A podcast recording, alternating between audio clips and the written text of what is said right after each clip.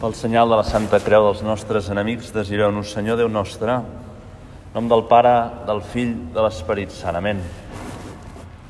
Senyor meu i Déu meu, crec fermament que sou aquí, que em veieu, que m'escolteu.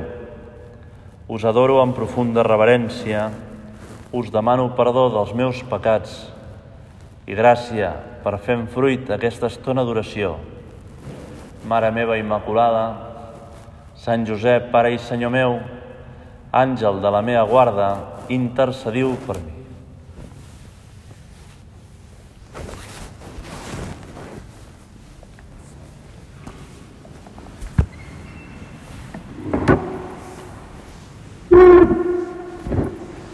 Amb la vostra llicència, sobirà Senyor sacramentat. Volia començar amb una frase que diuen molt els primers autors cristians. És una frase que resumeix tota la història del cristianisme, tota la vida del cristià.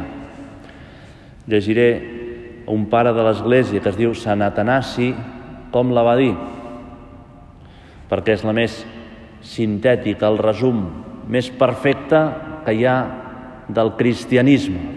Diu, el fill de Déu s'ha fet home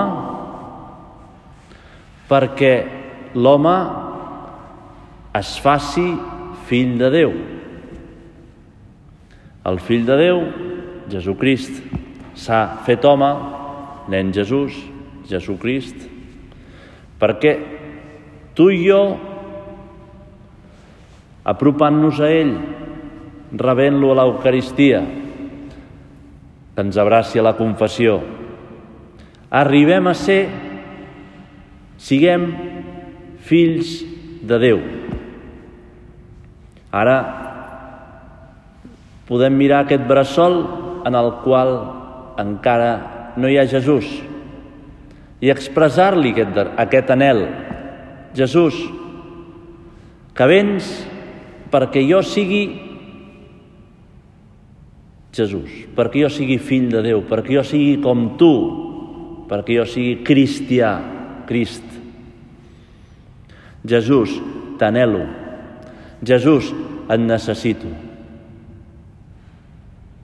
Fixeu-vos, anys més tard, els apòstols veien com resava Jesús veien com resaven els sacerdots, els doctors de la llei, i veien com resava Jesús. Era absolutament diferent. Els sacerdots resaven amb grans oracions molt desenvolupades, però per ser escoltats pels homes. I escolten com Jesús resa amb una confiança, amb una proximitat, amb una filiació amb Déu Pare. I li demanen, Jesús, ensenya'ns a resar. Ells, com a bons jueus, cada dia resaven, cada dia deien coses, cada dia. Però malgrat això diu, ensenya'ns a resar, perquè tot el que hem fet fins ara no és res, veient com tu reses. Jesús, que resava tants cops a soles amb Déu Pare, els hi ensenya el Pare Nostre. Si voleu resar com jo, digueu-li, Pare nostre que esteu en el cel, sigui santificat el vostre nom. Els apòstols, i també ens hauria de passar a nosaltres, Jesús, es quedaren sorpresos. Jo li puc dir a Déu Pare? Com tu? Sí. El fill de Déu s'ha fet home perquè tu i jo siguem fills de Déu. Però no, mira, m'he afiliat a aquest partit polític, m'he afiliat a aquesta societat, sóc fill de Terrassa. No, no, que és una afiliació real, Tu ets fill de Déu. Això ho dirà amb molta força Sant Joan. I és que ho som fills de Déu. El papa Benet XVI, el seu llibre Jesús de Nazaret, quan comenta el Pare Nostre, diu Jesús vol ensenyar als seus deixebles i als deixebles de tots els temps, nosaltres, a resar, a posar-los davant del rostre de Déu Pare i així poder-los poder guiar per al camí de la vida. Si agafem Jesús aquestes dues idees que posem avui en aquest recés davant teu, el fill de Déu s'ha fet home perquè l'home es faci fill de Déu i l'home, si no pren a resar com a fill, no sap quin és el camí de la seva vida, no té sentit la seva vida. Ja tenim la idea per mirar aquest bressol on has de néixer tu, Jesús, i demanar-t'ho. Vull aprendre a ser fill, Jesús, mirant-te. Vull aprendre, Jesús, a estimar Déu Pare amb tota la meva vida. Vull saber el camí de la meva vida. No el camí per anar a Nazaret a Jerusalem o a les muntanyes, que era el problema dels apòstols. El meu és com somriure a casa, com arribar a final de mes, com vèncer l'orgull que se'm desperta dins el cor quan em passa això. Aquest és el camí de la meva vida. Avui en aquest recés mensual, procurem escoltar el que ens diu aquest Déu nostre que s'amaga en un infant. Perquè s'amaga, eh? Igual que t'amaga Jesús a l'Eucaristia. T'amagues. Sembla que els infants no diguin res, però aquest nen ens diu el que és el més important. Que el fill de Déu s'ha fet home, Jesucrist, nen, infant, perquè tu i jo sabíem què és realment el que val la pena a la vida. Jesús ens ensenya el que és més important. Sí, sí, podem pensar que el més important és... Ens ho ensenya Jesús. Jesús ens parla si l'escoltem. Sant Josep Maria parlava del bressol del nen Jesús. dient que aquella era la càtedra de Jesús, el lloc on Jesús ens donava la seva lliçó magistral, la càtedra de Jesús el gran catedràtic que dona la lliçó magistral on van tots els alumnes de la universitat. La càtedra de Jesús és el bressol. Jesús ens parla, si l'escoltem. El pessebre ens diu moltes coses, moltes coses, i més en una societat com la que estem. Avui intentem descobrir cada un de nosaltres, posant-nos davant teu, Senyor, què ens dius a cada un? Què esperes de nosaltres? Volia començar agafant l'Evangeli de Sant Joan.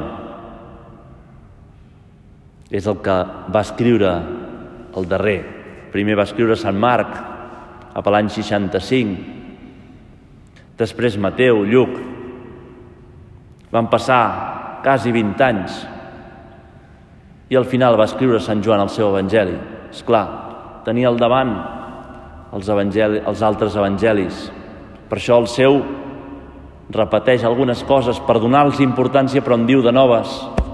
Les que repeteix les explica d'una manera una mica diferent, a vegades més profunda ha reflexionat més és el que ha estat més a prop de Jesús, és el que ha gaudit de la presència de la Mare de Déu durant més temps i li ha preguntat coses, perquè la Mare de Déu era molt profunda. Maria guardava totes les seves coses al cor i les meditava, ens diu l'Evangeli. Joan parla amb Maria i al cap d'uns anys Joan reflexiona, reflexiona, escriu l'Evangeli. Descobrint més profundament el que volia dir Jesús, aquesta càtedra de Betlem. Deurien ser unes converses tan boniques entre la Mare de Déu i Sant Joan, profundes. Com seria de bonic tenir un evangeli de la Mare de Déu? Potser el de Sant Joan és el de la Mare de Déu. Comença l'Evangeli d'una manera que espanta.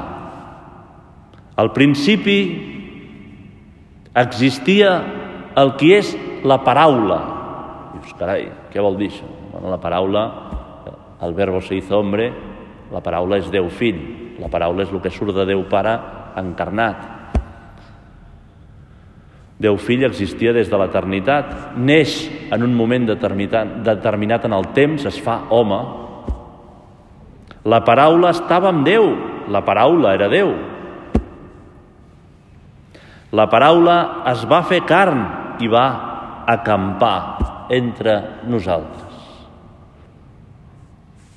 L'altre dia, una nena petita de primera comunió em va preguntar així, mossèn, Jesucrist, Jesús, el nen Jesús, és Déu?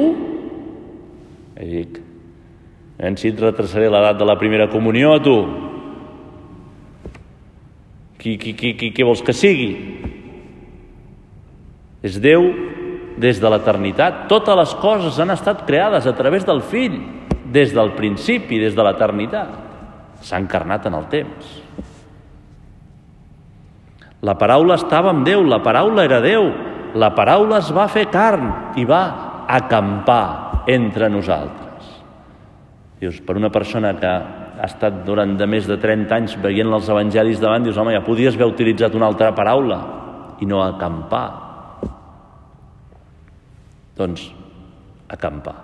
Doncs per què? Jesús, Sant Joan, va utilitzar la paraula acampar. Imagina't que estàs a casa al matí i el teu fill et diu que hi ha una ocupa que ha plantat una tenda de campanya d'aquestes que posen a vegades a les places davant dels ajuntaments, però que ha entrat a dins de casa, que s'ha quedat al, al jardí de casa o al hall d'entrada. Un tio ha vingut a casa meva. S'ha saltat el propietat privada. M'ha invadit. S'ha introduït. I ha vingut i ha posat la tenda. S'ha quedat, ve a quedar-se. I això és el que està dient Sant Joan.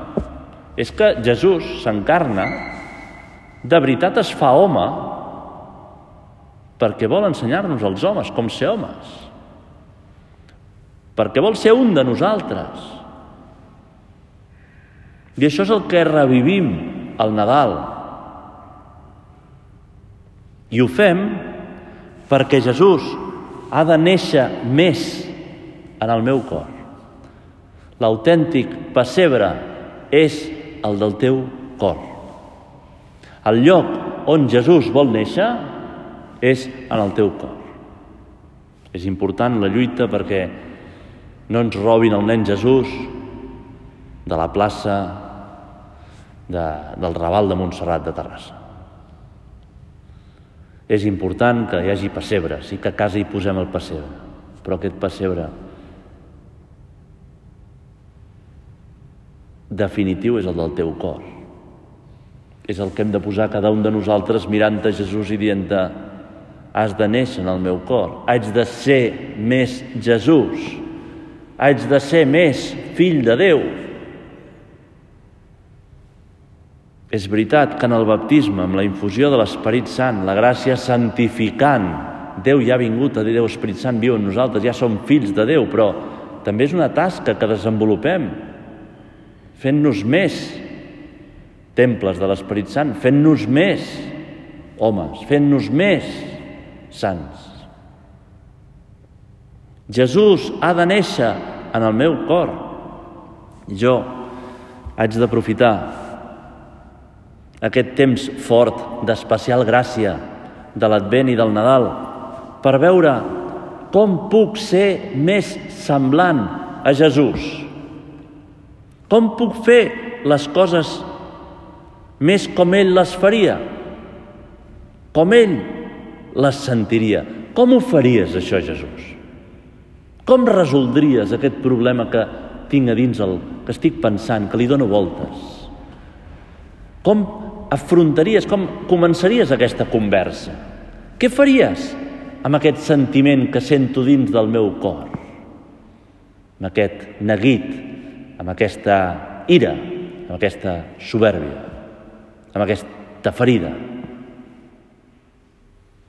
Em ve al cap una anècdota de explicava un noi a la universitat. Eren, eren dos que eren molt amics, es van conèixer a la universitat, jugaven tots dos a tennis, jugaven molt bé tots dos. Tenien les mateixes aficions, estudiaven la mateixa carrera, tenien la mateixa edat, es van fer molt amics. I un deia a l'altre, escolta, tu sempre estàs content i jo en canvi estic més trist. Per què? Si ens agrada el mateix, si disfrutem, si tenim el mateix caràcter, si... I l'altre li contestava, mira, tu i jo només ens diferencia una cosa, que és Jesucrist. Jo faig oració cada dia. Jo intento ser Jesús. Jo intento donar-li un sentit a la meva vida. I potser podria agafar els apòstols i dir, jo sé el camí de la meva vida perquè tu, el Senyor m'ha ensenyat el Pare Nostre, perquè camino en el camí de la filiació divina, i li va dir així, amb sec, eh? A tu i a mi ens separa una persona, Jesucrist. Tu intentes ser bo, intentes pensar, argumentar les virtuts que vols tenir, intentes lluitar, però no ets amic de Jesús.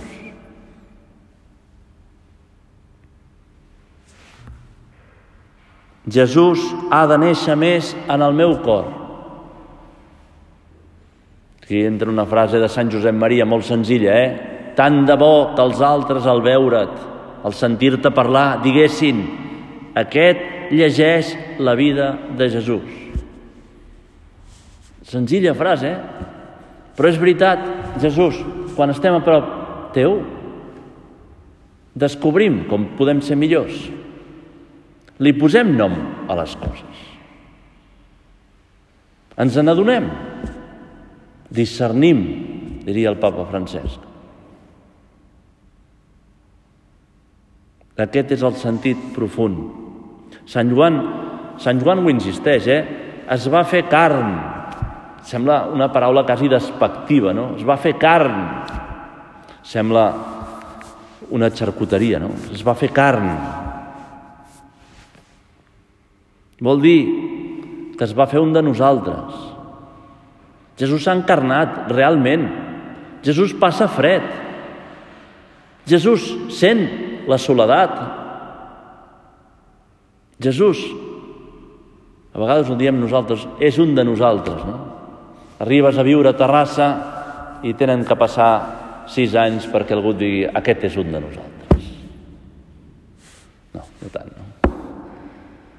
Altres ciutats costa menys, altres ciutats costa més. No?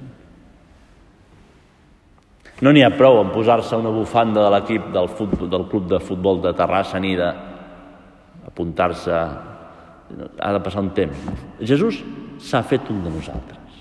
Jesús s'ha fet carn. A vegades hi ha com un cristianisme que pensa que imitar Jesús és fer coses com molt apartades del món o com estranyes o com molt... No, no, no, que s'ha fet carn. Vol dir que Jesús el que vol és que tu l'encarnis amb els teus problemes, amb les teves debilitats, amb el teu pecat també. Com reaccionaria Jesús davant d'això? Parla el meu idioma, comparteix els meus problemes, pensa com jo, li interessa el que a mi m'interessa. davant teu, Jesús, posem els nostres problemes, posem les nostres tonteries. Que tu t'hagis fet carn significa que per tu no són tonteries. I entra fins al fons de casa meva, ha acampat. No només a, a casa, eh, sinó dins meu. És sentit, molt sentit profund, teològic. A dins el meu el cos és la meva casa. Jesús s'encarna en mi, es vol encarnar en mi. Això té un paral·lelisme bíblic molt interessant, que per nosaltres ens fa una miqueta difós, però pels jueus era molt evident.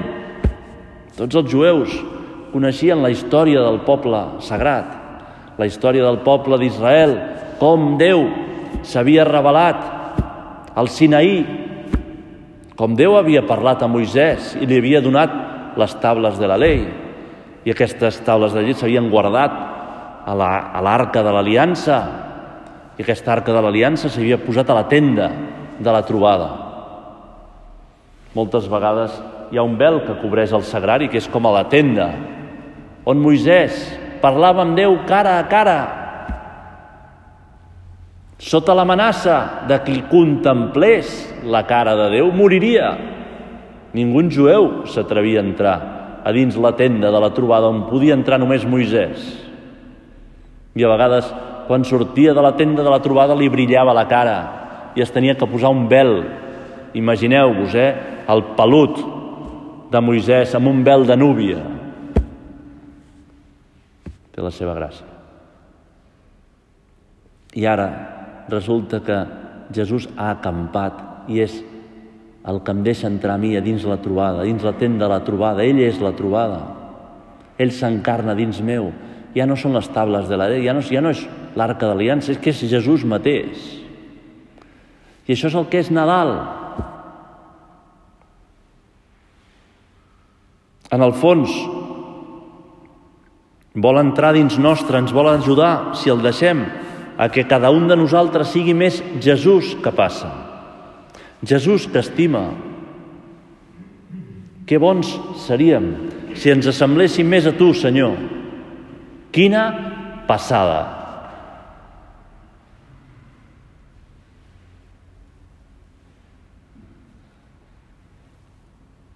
Els, els jueus del temps de Moisès es desmaiarien només de sentir explicar això. Els hi agafaria un atac de cor. Impossible, dirien. Si hi hagués aquí un jueu de fa dos mil anys, d'estranquis, cauria rodó a terra desmaiat. Impensable. No pot ser que Déu us estimi tant. Nosaltres ja creiem que no podia estimar més Déu amb tot el que va fer per nosaltres i vosaltres el teniu amb un infant en un bressol. I allarga la mà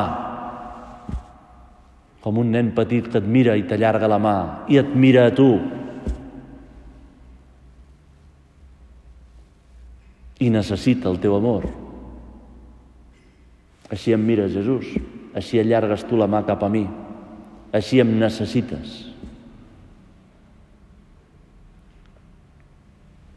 I nosaltres, que estem avui davant de Jesús, podem pensar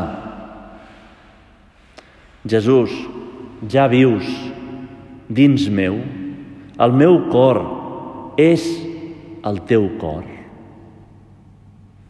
perquè vull que sigui així, vull que tots els sentiments que tinc en el meu cor siguin els teus sentiments.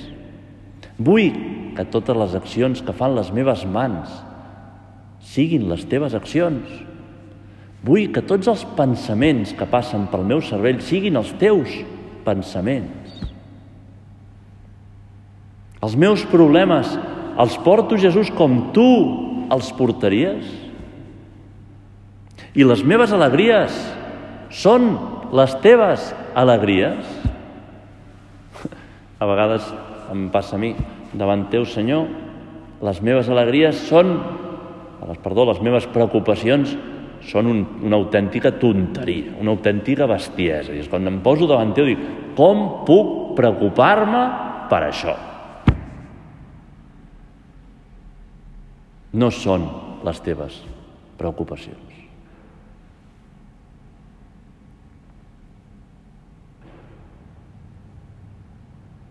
Quina tristesa, si ho penseu.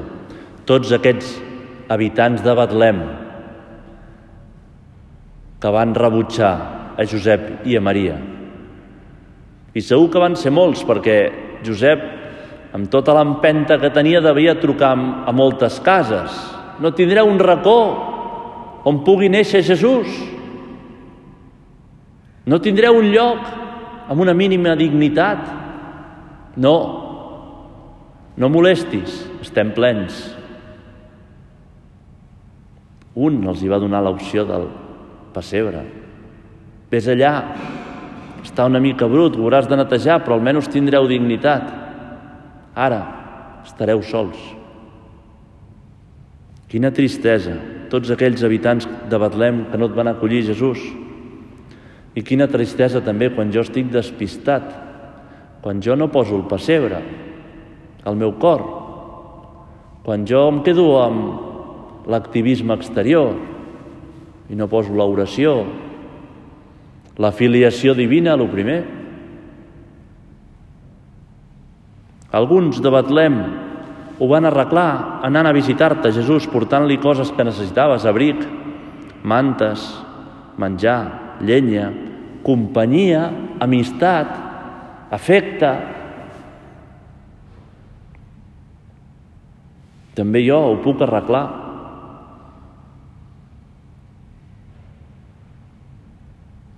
Joan, quan explica el pròleg que Déu es va fer carn i va acampar entre nosaltres, després diu el per què. A tots els qui l'han rebut, els qui creuen en el seu nom, els ha concedit de ser fills de Déu. Clar, si encarnem a Jesús dins nostre, a la nostra vida, mirem a Déu com a pare. Déu ens mira com a fills. Ens adonem més que ell, Déu Pare, ens mira com a fills tot el dia, cada moment, cada instant. Som fills de Déu. Ho hem parlat molt. El fonament de la vida del cristià és la filiació divina. El que deia Jesús més endavant als, als apòstols, no? que ho explicava el papa Benet XVI, explicant el Pare Nostre, guiar-los per al camí de la vida. Sense la filiació divina, el camí de la vida es converteix en un viarany molt complexa, difícil, impossible.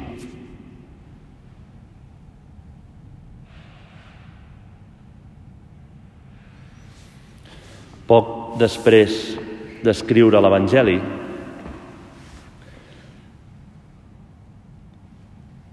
després de tornar del desterrament de Patmos, Sant Joan, molt vell, a punt de morir, va escriure una carta. En aquesta carta diu el següent. Mireu, està parlant Sant Joan amb aquell to carinyós que tenia els últims anys de la seva vida. Mireu, quina prova d'amor ens ha donat el Pare. Déu ens anomena fills seus i ho som. Jo crec que la gent que l'escoltava, aquestes predicacions de Sant Joan, del mateix que havia recolzat el seu cap damunt del pit de Jesús,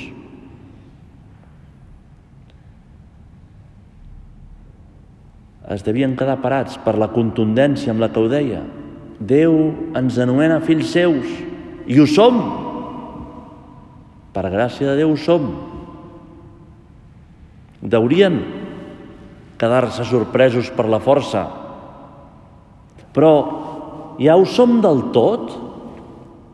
No, ho podem ser més. És una gràcia que rebem immerescuda. increïble, però també una tasca que hem de desenvolupar. El fill de Déu s'ha fet home perquè l'home esdevingui, es converteixi fill de Déu, en fill de Déu. Fixeu-vos, qualsevol dia que aneu a missa, l'oració de la col·lecta, abans de les lectures, està feta sobre aquesta fórmula dels pares de l'Església, eh? pels mèrits de Jesucrist, que nosaltres esdevinguem no sé què, no sé quantos, algun detall de filiació divina.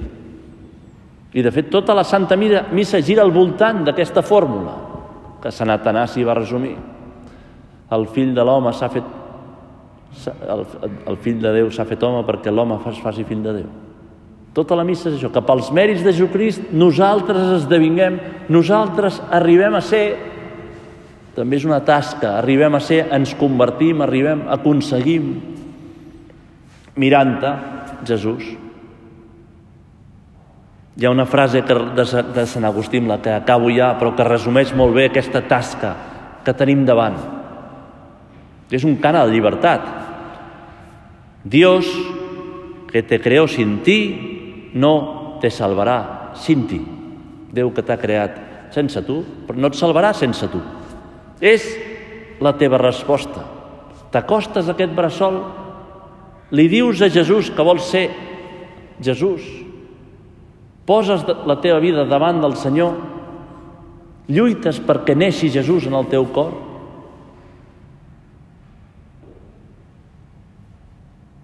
Jesús, ajuda'm. Nosaltres, com Sant Joan, també tenim a la Mare de Déu. També nosaltres hem estat encomanats a la Mare de Déu i ara des del cel la Mare de Déu és la nostra Mare i, i està amb nosaltres. I amb ella nosaltres també podem entendre el sentit profund de les Escriptures. I també nosaltres podem entendre el sentit profund de la filiació divina, del motiu de l'encarnació de Jesús.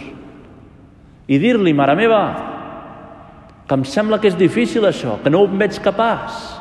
Ajuda'm, dona'm la gràcia de l'Espírit Sant que em transformi.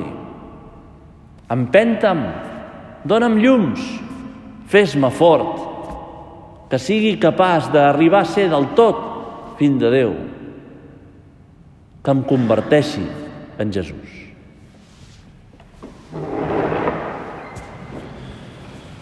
Us dono gràcies, Déu meu, pels bons propòsits, efectes, inspiracions que m'heu comunicat en aquesta meditació.